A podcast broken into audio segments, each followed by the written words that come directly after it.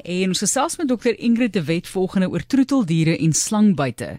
En ek het gehoor dat hier in die Kaap meer en meer slange ook na vore gekom het. Dis dan seker ook maar met die reën. Sy kan vir ons sê of dit die geval is. En sy is van die Country Animal Clinic op Somerset West, deel van die Iperwet groep. Baie welkom aan jou dokter de Wet. Baie dankie. En ja, het jy baie te doen met slange? Gelukkig sien ons nie verskriklik baie in ons area nie, maar van ons susterklinieke wat bietjie nader aan die berge is, sien nogals baie in die somermaande ongelukkig, ja. So vertel ons van die tipes slange wat 'n mens kry en jy weet die effek wat hulle byvoorbeeld sal hê. Ja, so ons kry drie tipes. Dis die neurotoksiese slange. So daar kyk ons na die kobra familie, gewoonlik die Kaapse kobra, mambas rinkels en wat hulle doen is hulle tas die senuweestelsel aan. Uh, hulle gevek verskriklik vinnig en binne minute tot ure kan die asemhalingsspiere ook aangetast word. So dis hoekom hulle so gevaarlik is want dan kan die dier of die mens letterlik nie asemhaal nie. So dit is die een wat ons baie laat skrik en baie vinnig laat beweeg as dit gebeur. En dan kry ons die sitotoksiese slange, so die mees algemeenste een wat ons daar sien is die pofadder, maar die kaboenadder, ehm um, Mozambique spoegkobra of Enfesi is ook in daai ehm um, klas van slange. Hulle gifstonge stowwe werk meer lokaal en veroorsaak verskriklike selfskade en swelling en afhangend van waar die byt is, kan dit baie gevaarlik wees as dit nou om die nek is, kan dit baie swel of mense het al vingers en tone en so verloor daarvan. En dan die derde groep is die hemotoksiese slange, so dis die boomslang en die wingerdstokslang. Hierdie gifstok het uh, tas die bloedstollingstelsel aan. So daai slange sal meer bloeding veroorsaak en dit kan nogal dramaties wees ook. So dis die drie tipes giftige slange wat ons in ons land kry. Och, jy nou. Okay. Goed. Kom ons vat dit van voor.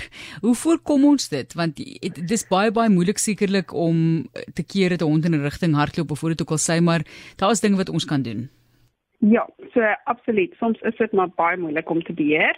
Ehm um, as ons kyk nou in die somermaande en veral in die lente tyd wat nou nou net uh, verby is, moet 'n mens jou diere baie mooi dophou want dit wanneer die slange mees aktief is ook vroegoggend en net voordat die son ondergaan is ook wanneer hulle aktief gaan jag. So as jy kan, hou die diere maar binne in, um, in die huis dat jy kan dophou in daai tye van die dag. Ehm um, as jy wel nou met jou diere gaan stap in die berge of meer plaaslike areas of as jy op 'n plaas bly, is dit baie belangrik om jou dier ten alle tye onder jou beheer te hê. Ehm um, so as jy 'n recall vir hulle kan leer dat jy hulle hulle kan maklik terugroep en jy weet dit is baie goed, is dit 'n goeie opsie. Andersins ehm um, loop maar met 'n lang leiband op hulle so 'n 5 meter leiband of so. So hulle kan nog steeds wandel, maar jy kan hulle terugtrek as dit nodig is en dan maak ook seker dat jou huis so veilig as moontlik is. Ehm um, as as jy wel in 'n area bly waar daar baie slange is, maak seker daar's nie klein hoekies en so wat hulle maklik in die deure en die vensters kan inkom nie. En as jy nou kamp met jou diere, maak seker hulle bly weg van waar jy hout stoor. Slange hou daarvan om daar te lê.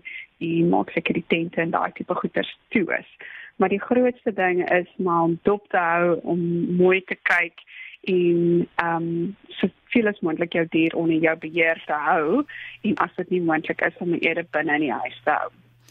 Goed, nou het dit gebeur en jy ja. het dit dalk gesien gebeur. Wat moet 'n mens doen? Hoe moet jy maak in daai oomblik?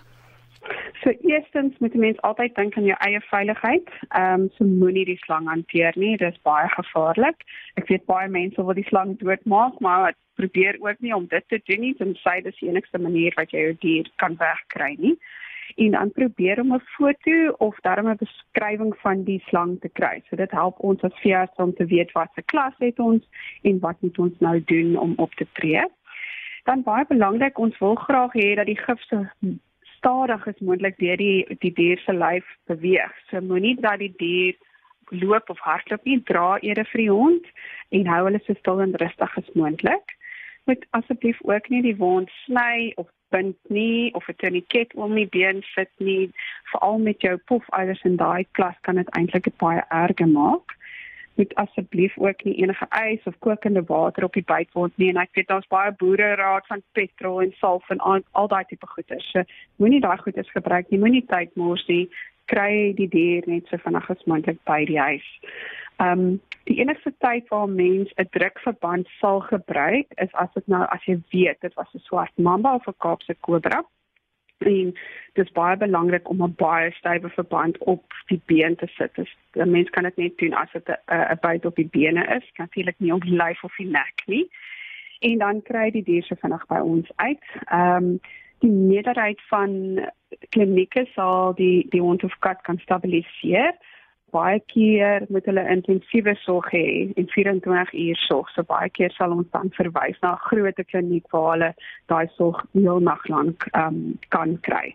So as dit nou nodig is, maar basies strale kry hulle so vinnig as moontlik by 'n veearts uit. Goed, en dan praat ons oor hoe werk teengif en jy sê dis maar 'n dierspulletjie. Dit is maar 'n duur storieetjie. Ehm um, dit is nogals moeilik om te vervaardig ook en omdat ons soveel slange het in Suid-Afrika, is dit ook moeilik vir hulle om om seker te maak ons dek alles. So daar's basies twee tipe steengif. Die een doen sewe verskillende slange en die ander een doen net koomslang. Ehm um, dit is ietsie wat nie 'n first aid middel is nie. So ek weet sommige mense het dit wel. Ehm um, maar jy moet dit nie so gebruik nie. Dit moet onder toesig gegee word want dit kan maar eintlik 'n 'n erge allergiese reaksie veroorsaak. So dit moet mooi onder toesig wees en nie elke liewe pasiënt het teengif nodig nie. En dit is baie belangrik om te besef want ons het eintlik 'n groot tekort aan teengif in die land op die oomblik. So ons moet spesifiek die regte gevalle kies um en dit gebruik daarso maar dit is ook 'n duur storie. Uh toe ek laas gekyk het, was dit omtrent so 2.5 tot 3000 rand per ampule. En baie keer moet hulle 6 tot 8 kry en dan moet hulle ook meer intensiewe sorg nodig. Soms moet hulle op 'n uh, masjien wees om hulle asem te haal en so. So dit kan maar 'n duur storie wees om om te behandel.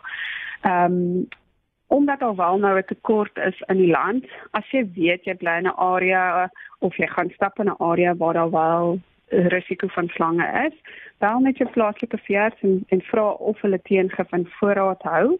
Ehm um, dit sal gewoonlik die groot klinieke wees wat dit wel kan kry en soms moet ons dit van 'n hospitaal kry. So dit hang nou af net hoe waar dit is en waar mense dit kan kry. So is maar goed om te weet as jy weet jy's nou 'n hoë risiko geval net om te weet wat se kliniek toe moet jy gaan en ehm um, dit help net in daai oomblikke as ietsie nou gebeur.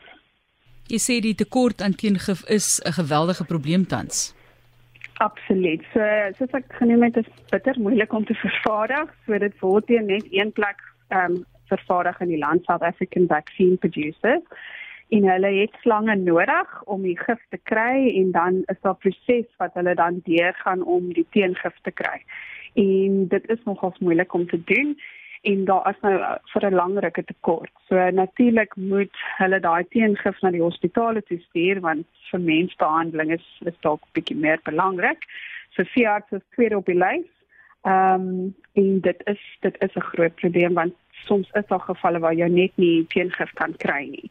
So dis hoekom dit so belangrik is om die die slang by te vermy as 'n mens dit moontlik kan doen. Dit is altyd van snaaks hoe ons verskillend kyk na diere. Is daar etiese kwessies daar met die feit dat jy nie teengif kan vervaardig sonder 'n slang teenwoordig nie? Jammer ek nou die woord teenwoordig gebruik. Jy kan dalk vir ons 'n beter woord daar gee.